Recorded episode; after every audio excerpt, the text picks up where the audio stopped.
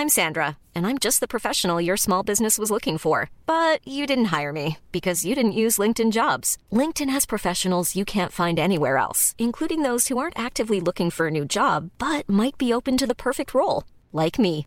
In a given month, over 70% of LinkedIn users don't visit other leading job sites. So if you're not looking on LinkedIn, you'll miss out on great candidates like Sandra. Start hiring professionals like a professional. Post your free job on linkedin.com/people today. When you're ready to pop the question, the last thing you want to do is second guess the ring. At Bluenile.com, you can design a one-of-a-kind ring with the ease and convenience of shopping online. Choose your diamond and setting. When you find the one, you'll get it delivered right to your door. Go to Bluenile.com and use promo code LISTEN to get $50 off your purchase of $500 or more. That's code LISTEN at Bluenile.com for $50 off your purchase. Bluenile.com code LISTEN.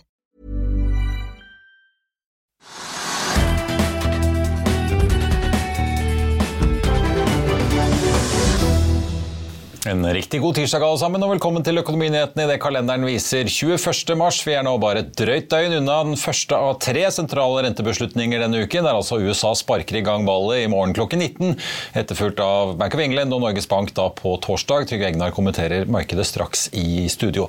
Etter helomvendingen vi så i markedet i går, der hovedindeksen faktisk endte opp til slutt litt under 1,1% så ligger vi også i grønt igjen i dag. Hovedindeksen opp 1,6% nå på ettermiddagen.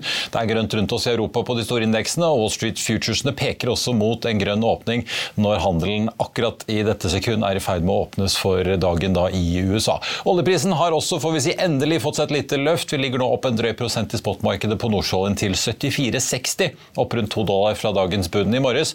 Og den amerikanske lettoljen ligger opp nesten halvannen prosent til 68,70. Vi får likevel merke oss at oljeprisen har kommet ganske mye ned eh, sammenlignet med de nivåene vi bare så så sent som tidligere denne måneden.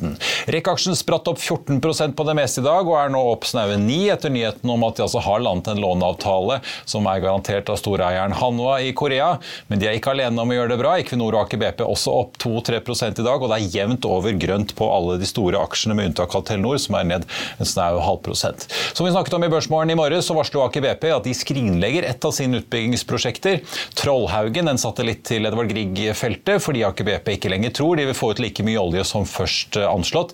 Dette betyr i praksis at 4% av de volumene som da var under utbygging i porteføljen ikke ble hentet opp. Det tilsvarer 30 millioner fat omtrent, og investeringer for drøye 5 milliarder kroner, som altså ikke blir noe av. Man fortsetter derimot med utbyggingen av satellittene Smyrna og Solveig 2 ved Grieg, samt de mange andre store prosjektene som Aker BP holder på med om dagen, inkludert gigantutbyggingen Yggdrasil, tidligere kjent som Noaka. På mest omsatt-listen som var inne på, så var da Telenor foreløpig, så i hvert fall ut og er foreløpig den eneste aksjen i Rødt i dag. Får også ta med da DNB, som har svingt mye og har eh, blitt påvirket av all bankuroen globalt. Ligger i dag opp 0,4% Den svingte jo veldig mye i eh, går. Ellers så er Edda Wind opp en drøy halvannen prosent i dag. De har jo da annonsert kontrakter med danske Vestas. Og så får vi også ta med Polite, der eh, man også har annonsert en garantert fortrinnsrettemisjon på da 135 millioner kroner. Sender aksjen ned snaue 5 i dag til 19 kroner aksjen. Den er det siste året ned over 40 vil du bli oppdatert på det viktigste som har skjedd innen finans og næringsliv? Da er det bare å følge med, for hver morgen er jeg, Marius Lorentzen og aksjekommentator Karl Johan Malnes på plass i studio for å ta tempen på dagens marked i Børsmorgen. Og hver ettermiddag oppsummerer vi alt du trenger å vite i Økonominyhetene, og det blir selvfølgelig masse interessante gjester. Klikk deg inn på fa.no-tv, eller søk opp Børsmorgen og Økonominyhetene der du hører på podkast.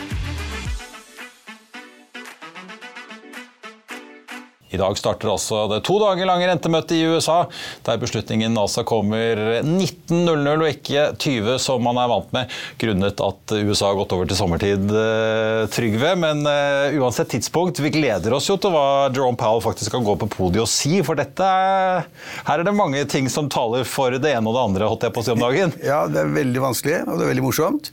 Fordi tingene er snudd helt opp ned de siste dagene. Jo, alle hadde jo regnet med det at den amerikanske sentralbanken Fed ville heve rentene ganske kraftig. For det trenger man da for å få prisveksten ned og få det ned mot 2 %-nivået. Og da er liksom renten opp og prisveksten ned. Det er liksom den enkle formelen. Og så får vi da finanskrisen, altså bank, bank, denne bankkrisen vi har nå. Og plutselig så er alt annerledes. Da tenker man at plutselig Jeg refererer hva andre sier. Da tenker man at uh, nå blir det såpass mye uro i finansverdenen. Selskapene kanskje tjener mindre, kanskje det er mindre aktivitet. Kanskje BNP går tilbake istedenfor å gå opp. Og, altså Hele liksom, verden kommer i en form for stagnasjon. da. Det er litt usikkert. Og usikkerhet det betyr at folk ikke, ikke handler så mye. Og Da kom plutselig noen på banen og sa at Fed kommer til å senke renten, ikke øke den. Eller holde den uendret. og det, det, er klart at Hvis Fed skulle senke renten, så er det, altså det er et dramatisk kick i aksjemarkedet. Og skulle øke renten, så er det på en måte litt problematisk for aksjemarkedet. Da, fordi at Store selskaper, tech-selskaper hvor man ser på inntektene frem i tid, nåverdien blir jo da lavere nå. Så dette er jo kjempevanskelig. Men verden ser ut til å mene alle sammen nå at Fed kommer til å være enten ligge flatt eller kanskje senke, men i hvert fall hvis de skal øke, ikke da 50 prosentpoeng, men 25 rentepunkter. Der ligger verden. Ja. Så ser vi på Oslo Børs i dag. Jeg, Marius, altså jeg må si at Ingen kunne sagt til meg for et par dager siden at i dag skulle da liksom alle de store tungeaksjene, oljeselskapene, oljeservice, oppdrettsselskapene Alt sammen rett opp på 2-3% og børsen er opp halvannen prosent. Så det er, det er ganske tankevekkende og spennende. Det kommer på en måte da samtidig med at man har en, en, en, en liten idé om at, eller tror kanskje at man får en finanskrise, en bankkrise. Jeg tror ikke man får det, men mange er jo redde for det. Det kommer stadig gode kommentatorer som sier at dette er bare begynnelsen. Vi får da tøffe kriser. Hvis vi får det, så, så, så vil jo aksjekursene ofte falle, fordi de smitter over på hverandre. Så ja, det er en god dag i dag, men det er ganske spennende vi, når man tenker på hva, hva, som kommer til å skje i morgen. Det kan, og det kan fort snu, som jeg var inne på i introen eh, bare så sent som i går, så vi jo liksom DNB ned mange prosent, svosj opp igjen. Ja. Så det, er, det, svinger jo veldig selv på de store, solide aksjene. Men så er vi litt heldige i Norge, for du er inne på det, det at vi har en en del aksjer som er ganske korrelert med da oljeprisen. Når oljeprisen plutselig svinger opp fra 70 dollar per fat igjen til 75 dollar per fat, så vet jo folk at, at Aker BP tjener mer penger, Equinor tjener mer penger. Kanskje blir det mer etterspørsel etter oljeserviceselskapene, kanskje. Man vet ikke. Så vi har fått et sånn løft da, både fordi at hele verden plutselig lettet ut, og fordi vi da sitter på tunge oljerikdommer, som da på en måte er veldig viktig for oljeselskapene. Og de, tjener, altså, hva de har tjent pga. en høy, høy oljepris og pga. høy gasspris, det er helt ufattelig. Og så tenker folk at kanskje skjer igjen, kanskje ikke er nede på bunnen, kanskje vi får en oppgang igjen fordi da oljeprisen stiger såpass kraftig. Men som du igjen sa, eh, oljeprisen har falt ganske kraftig ned til 75 da, eller 74 dollar per fat. Og mange trodde jo nå at oljeprisen faktisk skulle falle ned på 60-tallet. Det gjorde den ikke. Men det kan du gjøre i morgen. Men det amerikanske er der, og det har vi ikke sett siden desember 21. Så, øh, men jeg lurte på, altså, Før torsdagens rentemøte som var da, i Den europeiske sentralbanken, så var jo veldig mange spent på hva Christine Lagarde og rentekomiteen i Frankfurt skulle gjøre. For de hadde jo lovet en økning på 12 prosentpoeng. Men så kom da disse bankene som kollapset, og uro i Credit Suisse øh, før det nå ble overtatt i helgen. Da. Men de kjørte på med et halvt prosentpoeng. Tror du det er en slags sånn lissepasning til Jerome Powell og Ida Wolden Bakke og de andre at uh, dere kan faktisk også fortsette å øke rentene for å få ned inflasjonen, selv om vi har litt uro i, banksektoren? Ja, det tror jeg delvis er riktig. Jeg tror det at Tyskland gir et signal om at vi fortsetter kamp mot inflasjonen. og Vi har en altfor høy prisvekst innen euroområdet, den ligger oppe rundt 8% det er altfor høyt, og de skal ned, og de er ganske tøffe. Så de setter da på en måte setter renten slik de mener det er riktig. Og så gir det signal som du sier til Fed og til andre, at liksom det løpet om å, få, om å få prisveksten ned, det er ikke over. Vi fortsetter. Vi skal fortsette i USA, vi skal fortsette i Europa, vi skal fortsette i Norge, sannsynligvis. Det får vi vite denne uken, det også. Så altså, kampen mot en altfor høy prisvekst, den er ikke over i det hele tatt. Og sentralbanker er ganske konservative. Og når de ser at de får altså I Sverige, hvor ligger renten på nå 12, nei, prisveksten på nå 12 ja, Det har vært over 10-11, ja. Mm. ja. så Det er jo helt vanvittig. Og det kan de, sentralbankene ikke leve med, så det gjør de noe med. Så jeg tipper at det, de ga et signal til at Fed at bare kom følg etter oss. Og så kommer det Norge som følger etter, da, et, etter USA igjen får vi si både svenskene og vi nordmenn har jo hatt uh, noen kroner som har vært helt uh, på felgen, litt tabloid sagt. Ja. Altså, vi har jo, dag... Det er så dyrt å være nordmann og svenske i, både eurosonen og USA om dagen at uh, det slår også inn på at du får en veldig høy importert prisvekst. Ja, alle importerte varer øker noe voldsomt i pris. Ja, og det har vi ikke sett komme ennå. Det tar litt tid før det liksom kommer gjennom systemene. Skal ut i varene, tjenestene og i butikkene. Men, men vi ser jo i dag, da, det lille jeg har sett på da, at kronekursen styrker seg ganske kraftig. da. Og Det kan jo tyde på, kan tyde på at noen tror at liksom Norges Bank kommer til å sette renten opp, og kanskje man ikke gjør det i USA. Mm. så at Rentedifferansen går da i norsk favør igjen. vanskelig, veldig vanskelig å si. Men, men det, er, det, er, tankevekkende at kronekursen styrker seg kraftig, for da alle har klaget over at den har blitt så svak. Alle har liksom vært redd for den importerte prisveksten. Og det, ja, markedet reparerer ofte ting selv, da. Det er, jo, det er, jo, åpenbart at sentralbankene snakker jo også sammen. fordi Vi så jo da ECB øke renten på torsdag. I helgen så kommer da redningsoperasjonen av eh, Credit Suisse, hvor UBS helt åpenbart ble prakket på denne konkurrentbanken. For styrelederen i UBS la ikke skjul på noen ting. Han sa rett ut dette var ikke vår idé i intervjuer nå i helgen. Noen timer etterpå så kommer da den amerikanske sentralbanken, japanske, engelske, sveitsiske og europeiske alle sammen i en felles uttalelse og sier at de skal øke disse dollar stoplines som, som gir dollarlikviditet i det globale bankvesenet. Ja, men altså, Det skjer jo helt ufattelige ting i bankvesenet, Marius. Altså, så de er jo åpenbart koordinert her med å samt, altså, ja, både øke rentene og passe på at, uh, at, ting ikke stopper opp i bankvesenet? Ja, det vi ser nå, det er at sentralbanken og finansdepartementene i alle landene de reagerer umiddelbart i løpet av timer. De har liksom planer liggende klare. Og det har skjedd utrolige ting i løpet av én til to dager. Uh, og jeg er jo kjempeimponert over det. fordi at, uh, bare La oss ta den der Silicon Valley Bank, da, som på en måte gikk over ende fordi at folk begynte å ta, ta ut pengene sine. Det var som bankrun, klassisk bankrun. Og så tok det ut så mye at banken ikke kunne overleve. og så viser man da, for å gjøre kort tid, vi har snakket om det så mange ganger, så viser det, da, viser det seg at de verdipapirene de hadde i obligasjonsporteføljen sin, de hadde da pga. høyere rentenivå sunket i verdi. og Den verdien var ikke kommet frem, sto ingen steder, ingen hadde skjønt ingen hadde sett det. Da man så det, så var banken ferdig. Da hadde folk liksom hentet alle pengene sine, tatt ut alle innskuddene, og så fant da tilsynsmyndighetene ut at verdien på den verdien i, i, av, av aksjene var tilnærmet lik null, i og med at man måtte skrive ned så mye på obligasjonsporteføljen. Det var den banken. Samtidig med at det skjedde, så var det en annen bank i San Francisco-området, First Republic. First Republic. Mye mindre bank, men den har 7000 ansatte. Og den drev eh, hovedsakelig med altså formuesforvaltning og den type tjenester da, til, til, rike amerikanere. Men med, med, en ganske stor bank likevel.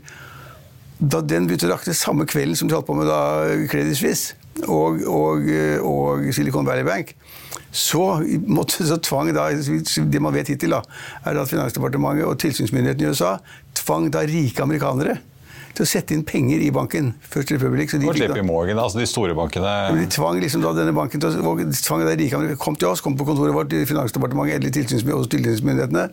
Dere må sette inn penger i banken for å redde så ikke da altså First Republic Bank går over ende. Det gjorde da mange rike amerikanere. Jeg tror de var satt inn 30 milliarder eh, dollar, så er ikke helt sikker. Et kjempebeløp. Men dagen etter, Marius så var ikke banken reddet. Da kom tilsynsmyndigheten og sa at dere har satt inn penger i banken som innskudd. Det holder ikke banken kommer til å overende. Dere må konvertere de innskuddene som vi tvang dere til å gjøre, om til aksjekapital. Og likevel tror jeg banken har gått under. Nei, den, den, den, var, den, den var halvert i går på børsen. Kursen var ned kraftig i år, da. 47 Ja. Og fra toppen har det kanskje vært ned 90% eller sånn. Men det, det, det, dette viser at tilsynsmyndighetene og Finansdepartementet i de landene hvor man liksom kan styre butikken og politikken, så gjør man noe nå umiddelbart. altså Man tvinger folk altså For det første I Sveits var det da altså, altså til, regjeringen Finanstilsynet, ja, FINMA og Nasjonalbanken. Så fant, fant 300 milliarder kroner, eller 500 milliarder kroner som de brukte til å støtte da banken i en periode. Og I USA også så har man en kombinasjon at man da arbeider sammen med de store bankene.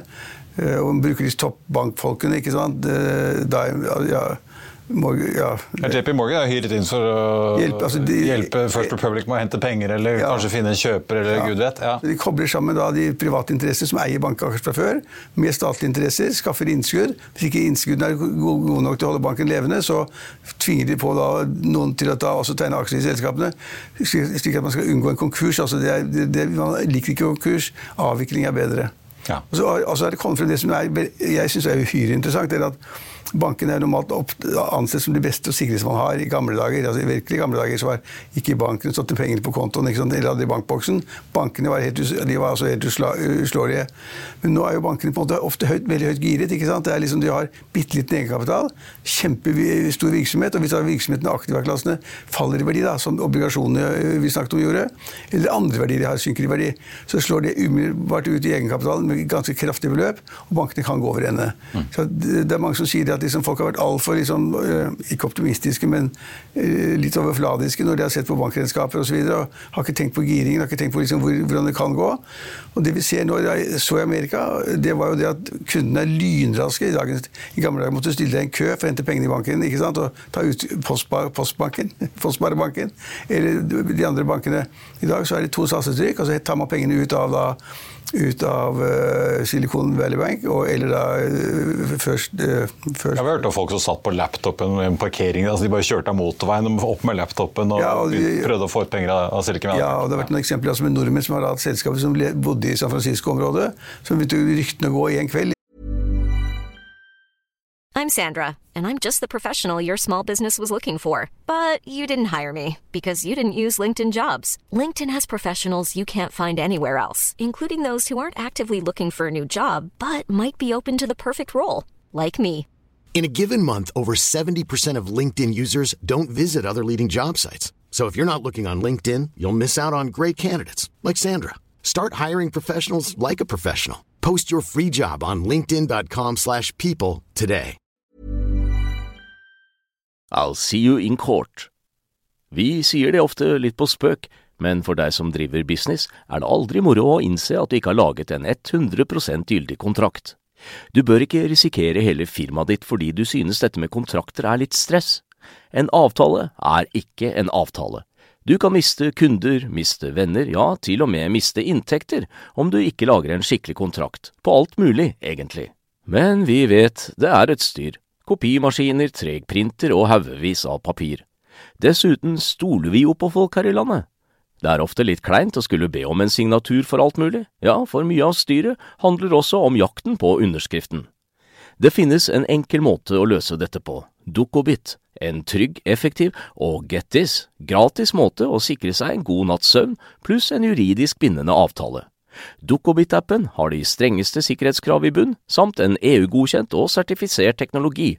Framover vil det bli behagelig å spørre du, skal vi skrive under på det, eller? Kom i gang på dukkobit.no. Har dere hørt at det er noe skummelt borti liksom Credit Suisse, eller liksom det er litt skummelt i Silicon Valley Bank? Og så snur man seg bare rundt, setter seg på PC-en, tar to tastetrykk, og så er pengene ute av banken. Og på den måten kan du få til et banklønn i løpet av få timer. I gamle dager tok det noen dager. Nye tider. Så det er skummelt. Altså, man, man må følge med, så må man ikke være så naiv. Liksom, ting er ikke så enkle som man ofte sier, og man må være litt mer forsiktig. Man må være forsiktig med pengene sine, Marius. Det må man. Apropos, eh, apropos bank og rente. Eh, vi har to nå selskaper på Oslo Børs eh, som har vært ute og fått finansiering de siste dagene. På litt ulike måter. REC, som veldig mange har gått og ventet på, har et forfall nå over påske. Annonserte plutselig i morges at storaksjonæren var i Korea har garantert et banklån, så de nå har løst den, det forfallsproblemet sitt, selv om de varsler at de trenger mer penger, de òg. Og så har vi PGS, da, som også låner til 13,5% i obligasjonsmarkedet. Ifølge SEB effektiv rente 14,7 for de utsteder på litt under Ja, ja, ja. eh, pari. Ja, Det siste syns jeg er det mest interessante. Ja. Fordi at altså, PGS har jo vært i finansielle problemer i flere år. Men 14,7 er det er Ja, men De har vært i problemer i flere år, ikke sant? Ja. og visste ikke helt hva de skulle gjøre. Om de skulle kjøpe andre selskaper, bli kjøpt, eller hva det måtte være. Og Så skulle de da ha den refinansieringspakken som de holder på med akkurat nå. Og så kom det, altså da, Alle vet nå at rentenivået på obligasjonslån nå for tiden er 12-13% Det må alle betale. Usikkerheten er stor. Folk låner ikke bort penger uten at de får skikkelig godt betalt. Og masse norske investorer også som har masse, store, masse gode obligasjonsporteføljer nå, hvor de har kjøpt det billig.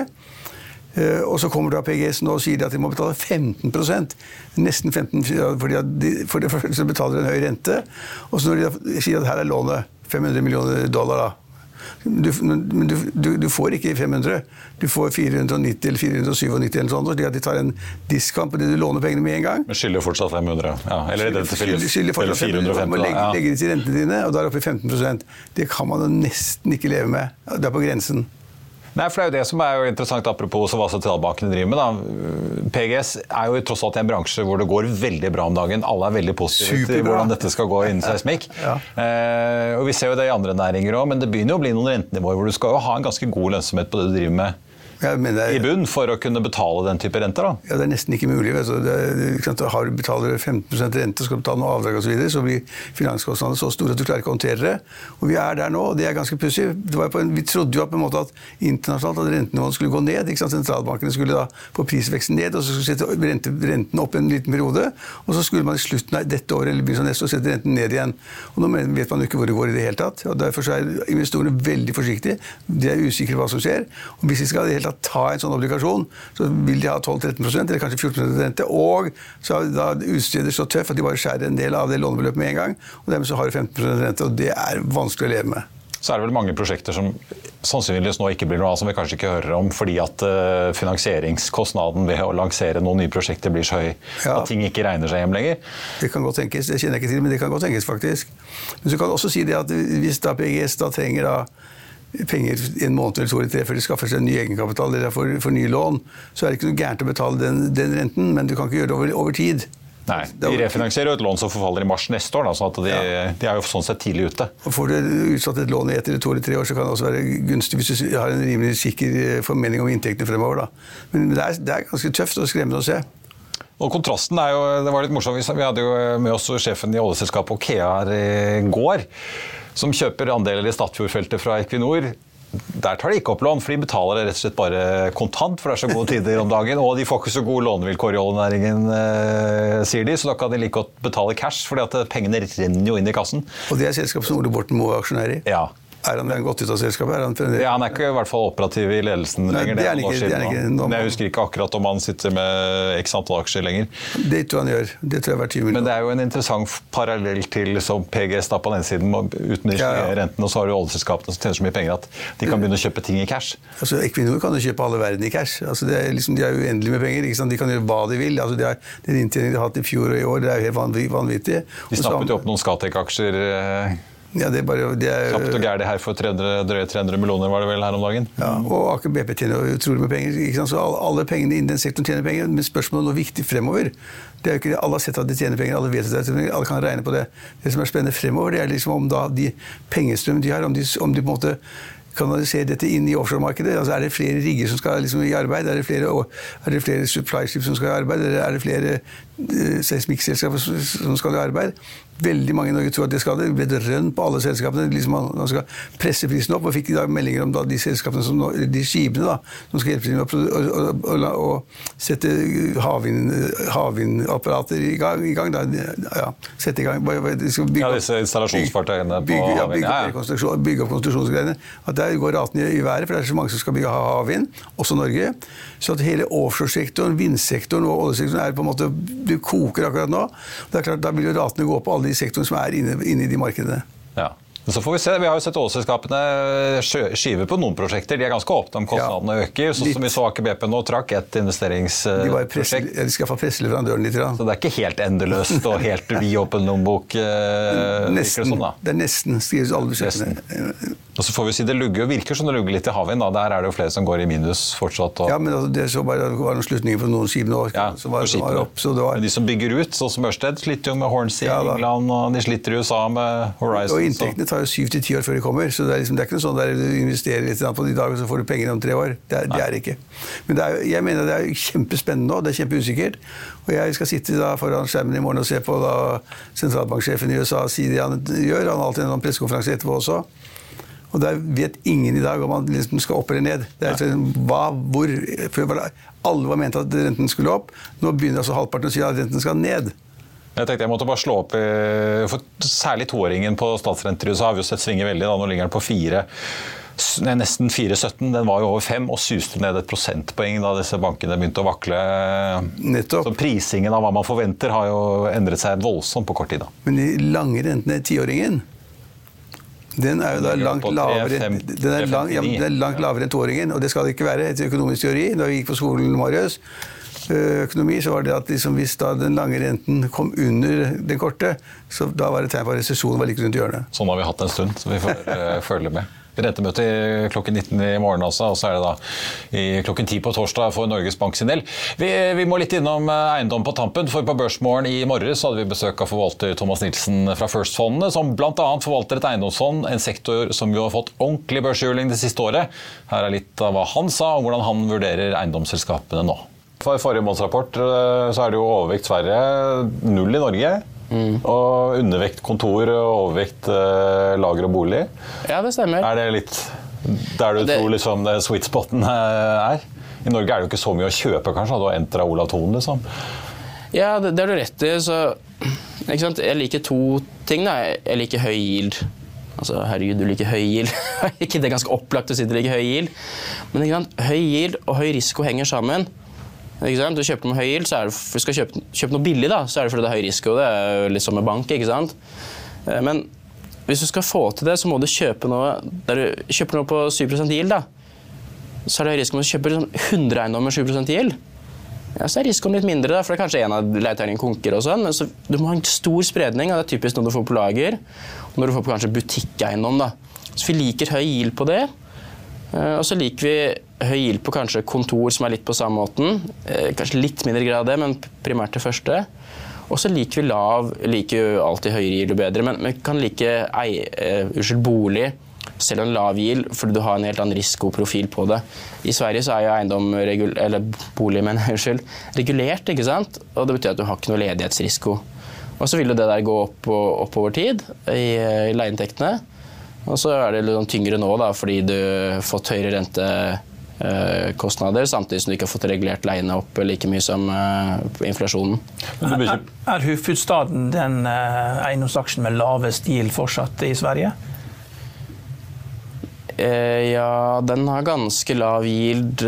Hvor stor sprik er det mellom det du, du liker å kjøpe, og de som har lavest gild? Ja, Det er veldig stort. Det er fra 7 til kanskje ned mot 2 Det er på de aller hissigste. Og jeg tror kanskje bolig har enda lavere yield enn sentrumsnært kontor. Men sentrumsnært kontor har lav yield, men har, har større risiko. En bolig har lav, lav yield, men lavere risiko. Det er Derfor liker jeg bolig heller enn sentrumsnært kontor. Det er ikke et bedt på at jeg tror alle skal jobbe hjemmefra. Men det kan godt hende de skal det. da. Så jeg tar ikke et bedt på at det skal bli ene eller andre veien. Jeg bare, det der skal ikke jeg prøve Nei. å gjøre noe smart ut av. Men til slutt bare på Velkommen tilbake. Eh, på tappet av sendingen tenkte jeg bare vi må innom eh, litt hvordan det står til i eh, markedet. Hovedindeksen på Oslo Børs ser ut til å få en ordentlig pen avslutning i dag. Etter at, etter at vi altså snudde rundt i går fra dype røde tall til å ende opp nesten 1,1 I dag ser vi ut til å lande et sted rundt 1,6% i pluss. Det er i hvert fall der vi er oppe nå. På mest omsatt-listen så er det da som nevnt bare Telenor som er i rødt ned 0,4% ellers er det grønt jevnt over. Vi har jo da oljeselskapene og de oljeeksponerte posisjonerte, godt posisjonert i toppen av mest omsatt-listen, med da Equinor på topp, opp en halvannen prosent. Aker BP har en ganske eh, bra dag i dag, opp 2,9 nå. Vår Energi opp 1,4. Så Aker BP skiller seg litt fra de to andre store oljeaksjene vi har. De har jo da annonsert at det ikke blir noe av dette Trollhaugen-prosjektet ved Edvard Grieg. Eh, Pga. at eh, ressursestimatene har kommet ned da, etter en brønntest på det, det, satellittfeltet som tidligere var kjent som Rolfsnes, som da er en, eh, får vi si, en litt uh, ny og uh, ikke unormal, men i hvert fall mer krevende geologisk formasjon enn det man er vant med på norsk sokkel. Så Aker BP tror altså at det ikke blir så god butikk å hente opp oljen derfra. Ellers så har vi jo da disse havvindserviceselskapene. Davin landet jo da kontrakter med danske Vestas, som de annonserte i dag. Den aksjen er opp 1,7% IVS og Cadeler ligger og vaker så vidt i eh, pluss. Og så er det da Recky Silicon som har hatt en kjempedag på børsen etter nyheten om at de får inn 110 millioner dollar i en ny lånepakke, for, eh, banklånepakke, får vi si, garantert av storeieren han var i Sør-Korea, eh, som da skal dekke dette obligasjonslånet som forfaller rett over påske. Den aksjen er opp nesten, ja, nå ligger den rett over 9% faktisk, har vært opp tosifret litt tidligere i dag. Verdt å merke seg at selskapet fortsatt varsler at de trenger mer kapital enn dette da, for å kunne gjenåpne fabrikken i Moses Lake og også gjøre investeringer i fabrikken sin i, Butte i eh, Montana. Ellers PGS, som eh, altså snudde fra et tosifret fall til å så vidt ende i pluss i eh, går, ligger i dag opp 1,7 De meldte jo da sent forrige uke at de da hadde landet dette obligasjonslånet som de har snakket om at de har vært i markedet for å plassere, på da 450 millioner dollar, som da skal refinansiere et lån som forfaller faller på i mars neste år til 600 millioner dollar, men da utstedt får vi si litt under pari, som gir en effektiv rente som da nærmer seg 15% Ellers så har vi jo snakket mye om bank. Eh, DNB i dag opp 0,3% Verdt å merke seg at UBS eh, ligger foreløpig og handler eh, rundt 7% i pluss nå, både i Europa og i USA, der handelen altså er i gang. De har jo da, får vi si, mer eller mindre villig da overtatt, eller er i ferd med å overta Credit Suisse, konkurrenten som altså har slitt tungt over lang tid, og hvor da presset kulminerte i eh, en redningsoperasjon nå i helgen. På Wall Street ligger Dow Jones opp 0,9, Nasdaq opp 1,1. SMP 500 også opp så vidt over prosenten da på ukens andre børsdag, med en oljepris som begynner å snuse nå. På 75 dollar fatet, 74,96 ligger vi i spotmarkedet opp 1,7% I Finansavisen i morgen så er ikke Trygve ferdig med samene helt ennå, så det blir mer i lederen hans om vindkraft og konfliktene på Fosen. Du kan også lese om Clarkson som ser riggrater klatre til gamle høyder. Jeg nevner bare sekstallet og da 100 000 bak der igjen. Og så kan du lese om at lavere kjøpekraft ikke stopper oss nordmenn fra å valfarte til fjells for å bruke penger. Det kan i hvert fall synes i Skistar-tallene. Og du kan også lese om at det nå er TikTok-stopp hos statsråder og departementstopper her i landet. Det var det vi hadde for deg i dag. Husk at vi er tilbake igjen med Børsmorgen 08.55 i morgen tidlig. Da får vi besøk av eh, Roger Hofseth, som både har startet Vestlandsopprøret, og som jo driver stort innen oppdrett. Og så blir det Økonominyheten da 14.30. Da får vi bl.a. med oss sjefen i det norske finanstilsynet Finanstilsynet, Morten Baltzersen, som vi jo må spørre om da norske myndigheter er stresset om dagen, om vi kan da få en norsk Credit Suisse eller Silicon Valley Bank. Hva han svarer, det får vi altså høre i eh, morgen. I mellomtiden så får du sist nytt på fa.no. Mitt navn er eh, Marius Lorentzen. Tusen takk for at du så eller hørte på, og så håper jeg vi ses igjen i morgen.